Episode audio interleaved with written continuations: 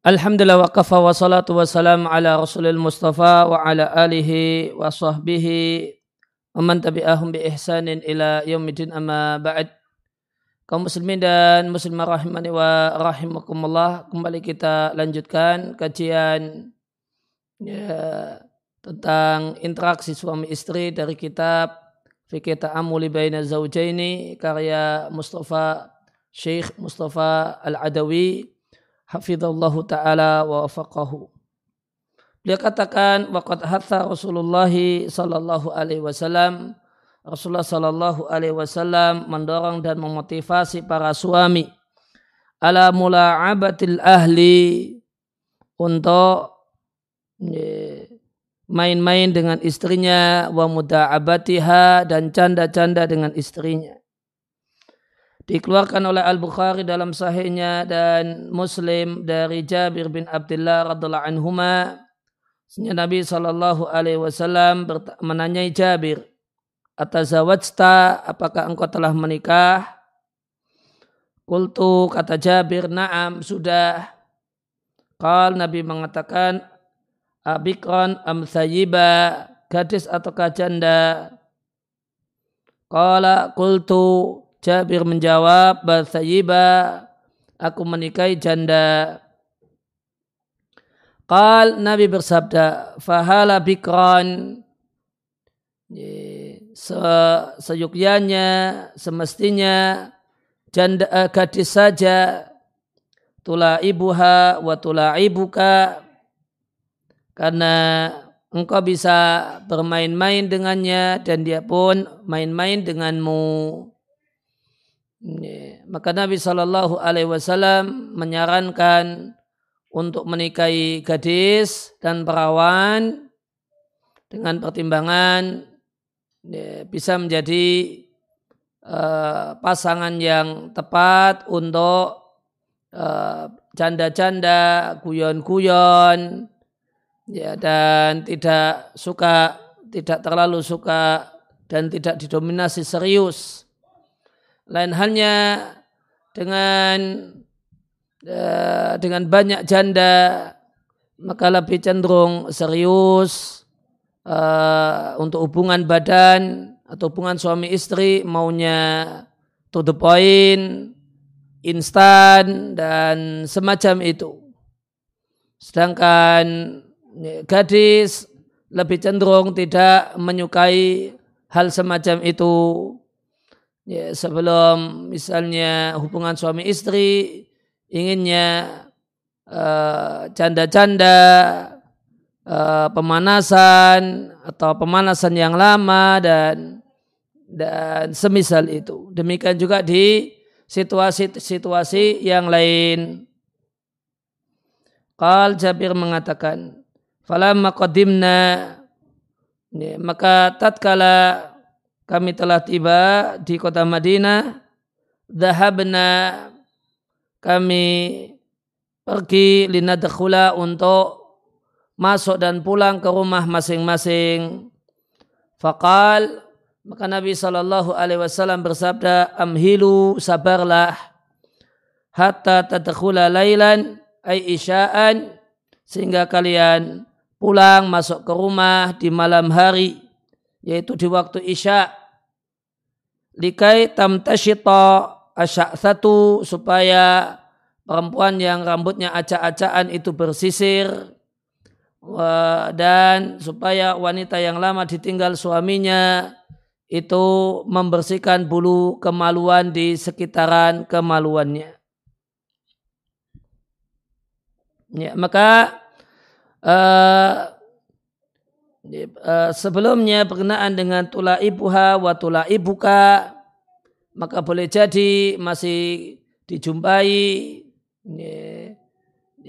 janda kata orang janda namun rasanya gadis karena dia tetap ya, suka main-main ya, suka guyon-guyon ya, kemudian tidak menyukai ya, kalau misalnya hubungan suami istri tidak menyukai to the point atau instan, namun ingin ya, ada waktu untuk bercanda, guyon, dan main-main. Dan boleh jadi uh, dijumpai sebaliknya kata orang gadis ya, rasanya janda karena maunya to the point ya, maunya ya, tanpa main-main tanpa banyak canda-canda Ya, di sini diatkan oleh Al-Bukhari dan Muslim.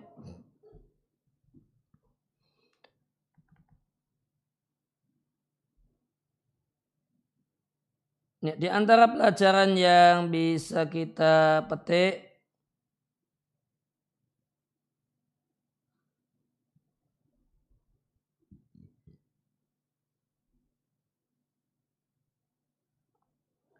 Amhilu artinya uh, eh, tamahalu wa ta'akharu nanti-nanti saja. Sampai malam telah tiba supaya wanita yang sak-sak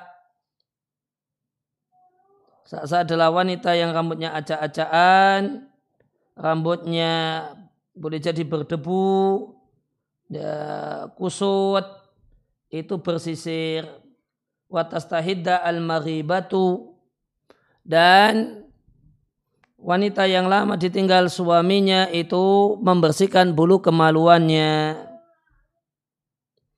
Yang dimaksud dengan tastahidda dari kata istihdad maknanya adalah menggunakan eh, besi yang tajam atau benda terbuat dari besi yang tajam untuk membersihkan bulu sekitar kemaluan.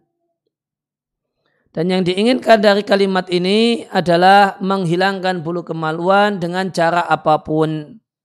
Tidak harus uh, dengan pisau cukur yang tajam. Uh, Al-maribatu uh, bidomil mim. Oh, bacanya mimnya di domah. Muribatu. Rinnya di kasrah. Wa iskanilya yaknya disukun al-mughibatu. Ya, maknanya adalah allati ghaba anha zaujuha yang ditinggal pergi oleh suaminya. Kemudian lanjutannya hadis perlu diketahui lanjutannya hadis Nabi Shallallahu Alaihi Wasallam menyampaikan wa idha qadimta fal kaisal kaisa jika engkau telah tiba di rumah, maka lakukanlah al-kais al-kais. Kata Ibnul Arabi, al-kais artinya al-jima' hubungan suami istri.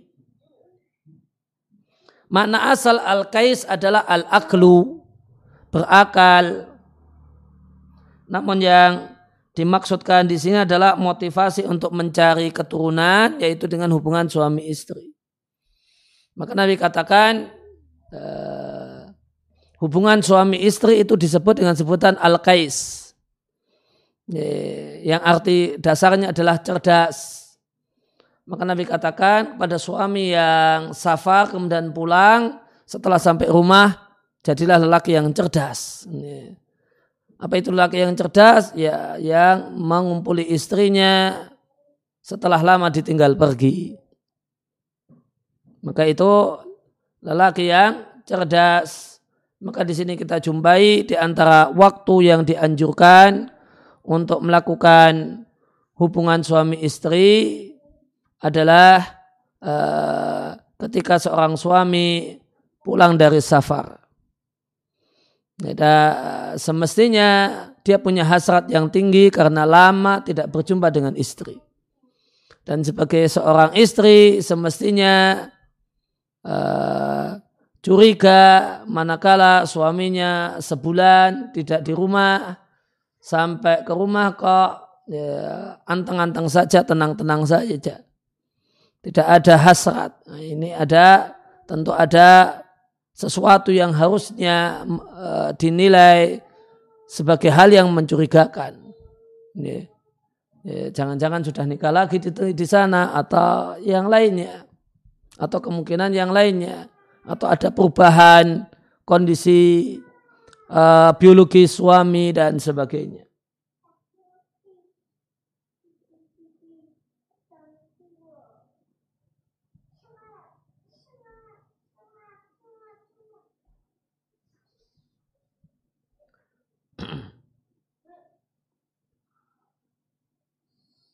Ya, uh, maka Nabi Shallallahu Alaihi Wasallam menyampaikan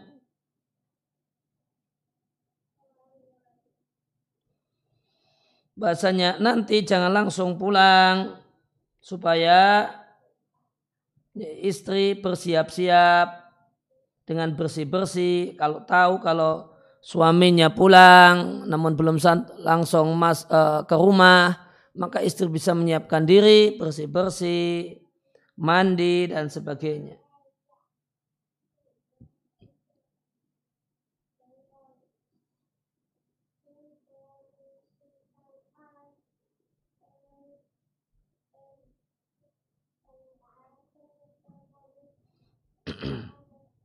Ya, kait tastahidda al-mughibatu wa tamtashita satu Maka dari kalimat ini supaya wanita yang lama ditinggal pergi suaminya itu uh, membersihkan bulu kemaluannya dan bersisir maka bisa disimpulkan dari hadis ini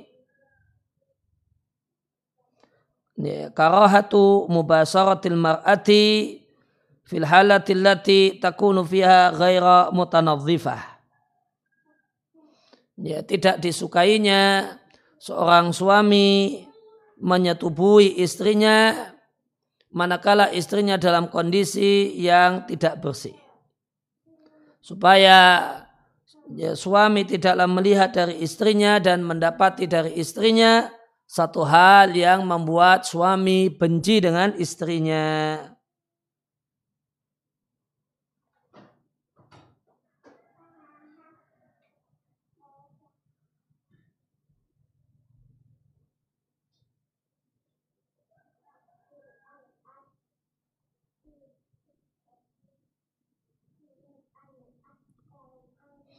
Kemudian pelajaran yang lain dari hadis ini dalam hadis ini terdapat al-hathu ala tawaddi wa tahabbi khususan baina zawjaini. Motivasi untuk untuk terwujudnya saling cinta terutama di antara suami istri.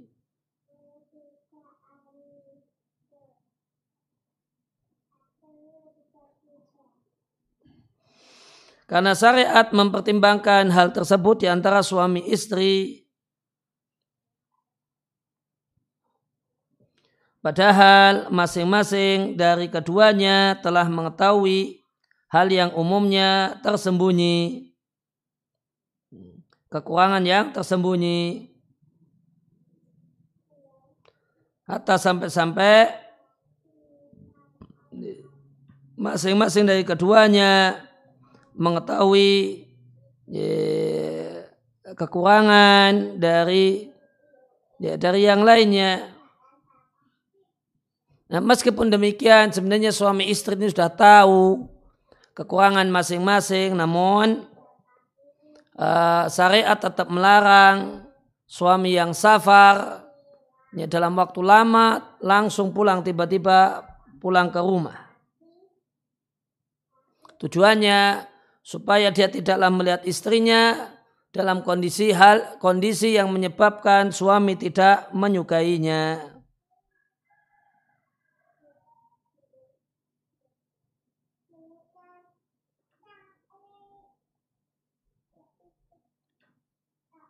Nah, maka jika ini suami istri sudah tahu kekurangan masing-masing, meskipun demikian, syariat menghendaki agar Beri kesempatan pasangan untuk menutupinya. Beri kesempatan istri untuk menutupi kekurangannya dengan bersih-bersih, dengan mandi dan seterusnya. Ya, maka kalau untuk orang lain yang kita tidak tahu aib dan kekurangannya, maka kita maka berupaya supaya tidak tahu aib dan kekurangannya, supaya tidak lihat aib dan kekurangannya itu lebih-lebih lagi. Ya, sisi pendalilannya tadi, suami istri kan sudah tahu kekurangan masing-masing. Sudah tahu fisiknya dan sebagainya. Namun syariat menginginkan ya, kalau ya, menginginkan agar suami tidak melihat aib tersebut. dan sebaliknya. Ya, maka itu dengan suami istri yang sudah tahu aibnya. Maka pada orang lain yang kita belum tahu aib dan kekurangannya, maka lebih-lebih lagi. Semestinya kita berupaya untuk tidak melihat aib dan kekurangannya. Kemudian pelajaran yang lain dari hadis ini. Dalam hadis ini bisa disimpulkan bahasanya istihdad, membersihkan bulu kemaluan, dan semacam itu yang ini dilakukan dalam rangka untuk mempercantik penampilan itu bukanlah hal yang terlarang dan tidak termasuk dalam mengubah ciptaan Allah yang dilarang. Dan di sini kita jumpai uh, arahan dari syariat hendaknya suami istri ketika melakukan hubungan badan itu dalam keadaan organ vitalnya, alat vitalnya itu bersih. Maka istri diminta untuk membersihkan bulu dari kemaluannya dan semestinya demikian juga suami. Kemudian pelajaran yang lain dari hadis ini fihi tahridu maka dalam hadis ini terdapat motivasi alat tarkit ta'arudi untuk tidak melakukan hal-hal yang menyebabkan buruk sangka dengan sesama muslim. Oleh karena itu langsung pulang dalam keadaan istri belum tahu kalau suaminya pulang itu Nabi larang. Nabi perintahkan ngabari dulu. Zaman sekarang ya WA dulu, telepon dulu kalau mau pulang. Ya.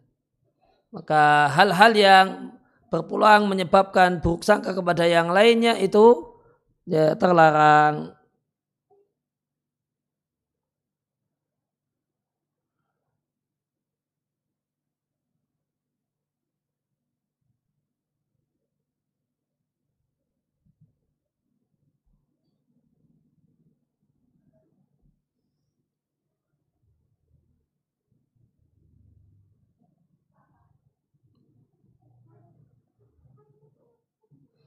Dan di antara pelajaran dari hadis ini secara umum menikahi gadis dan perawan itu lebih baik daripada janda dengan ilah dan alasan yang telah Nabi sebutkan.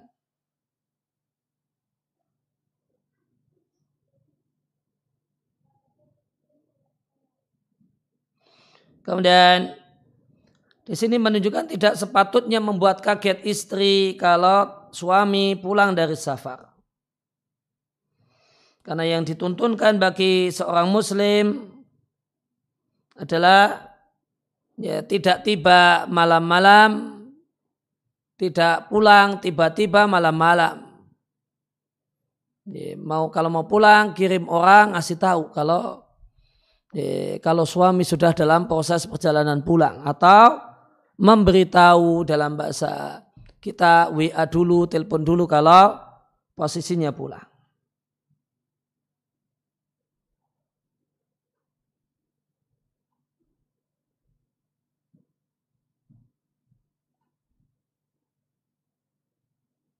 Kemudian di antara min a'zami maqasidus syar'i di antara tujuan syariat yang paling agung adalah menjaga baiknya hubungan di antara kaum muslimin terutama suami dengan istrinya. Karena hubungan yang baik antara suami dan istri itu as-sababul kabir fi injabil ajyal wa tarbiyatiha adalah sebab dan faktor yang faktor utama untuk tercetaknya generasi dan terdidiknya generasi dengan baik. Karena terjadinya perceraian itu nanti akan menyebabkan anak-anak yang broken home. Namun ketika suami istri itu dalam keadaan hubungan yang baik, maka anak akan terdidik dengan baik.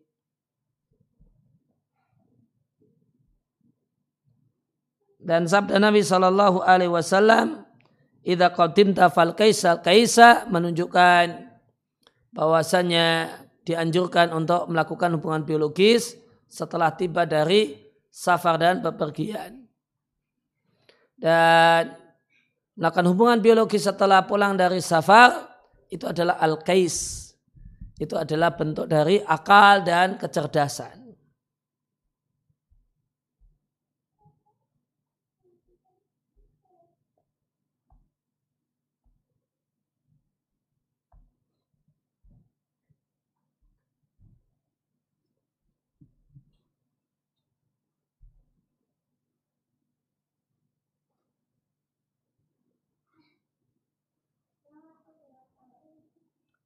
Nah penjelasan yang lain untuk hadis ini.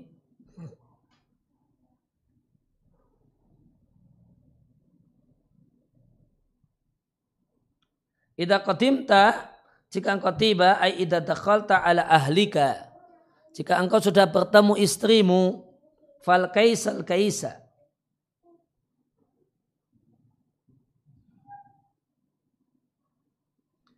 Tentang kaisa kaisa di sini Kila yakni al-jima'a. Ada yang menjelaskan maknanya adalah jima' hubungan suami istri. Seakan-akan Nabi memotivasi setelah sampai rumah, Nabi memotivasi untuk melakukan hubungan suami istri. Wakil penjelasan yang kedua mengatakan yang dimaksudkan dengan al-kais adalah sesuatu yang lebih spesifik lagi yaitu anak, yaitu momongan. Maka seakan-akan Nabi memotivasi untuk mencari dan mengharapkan memiliki keturunan dan momongan dengan hubungan suami istri. Ya, maka melakukan hubungan suami istri dalam rangka mengharapkan punya keturunan itulah al-kais, itulah kecerdasan.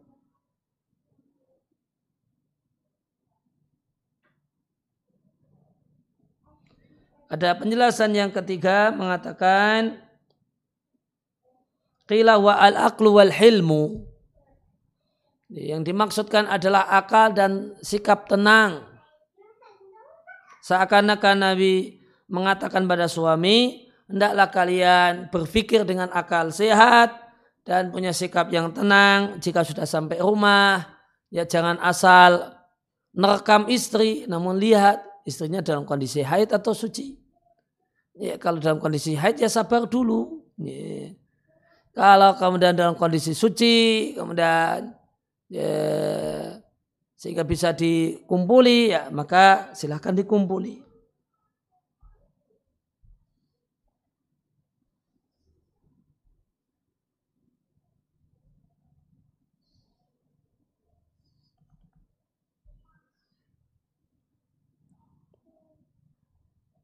Itu uh, namun kalau kita kembali ke buku yang ingin diambil pelajaran pokok dari buku ini uh, dari penulis adalah fahala bikron tula ibuha wa tula ibuka. Suami istri hendaknya ada main-main. Istri ngejak suami main-main, canda-canda dan sebaliknya uh, suami pun demikian. Dan demikian yang kita bahas kita kaji kesempatan siang hari ini. Wasallallahu ala nabiyina Muhammadin wa ala alihi wasallam wa akhudawana alhamdulillahi rabbil alamin. Subhanakallahumma wa bihamdika. Asyhadu an la ilaha illa anta astaghfiruka wa atubu ilaik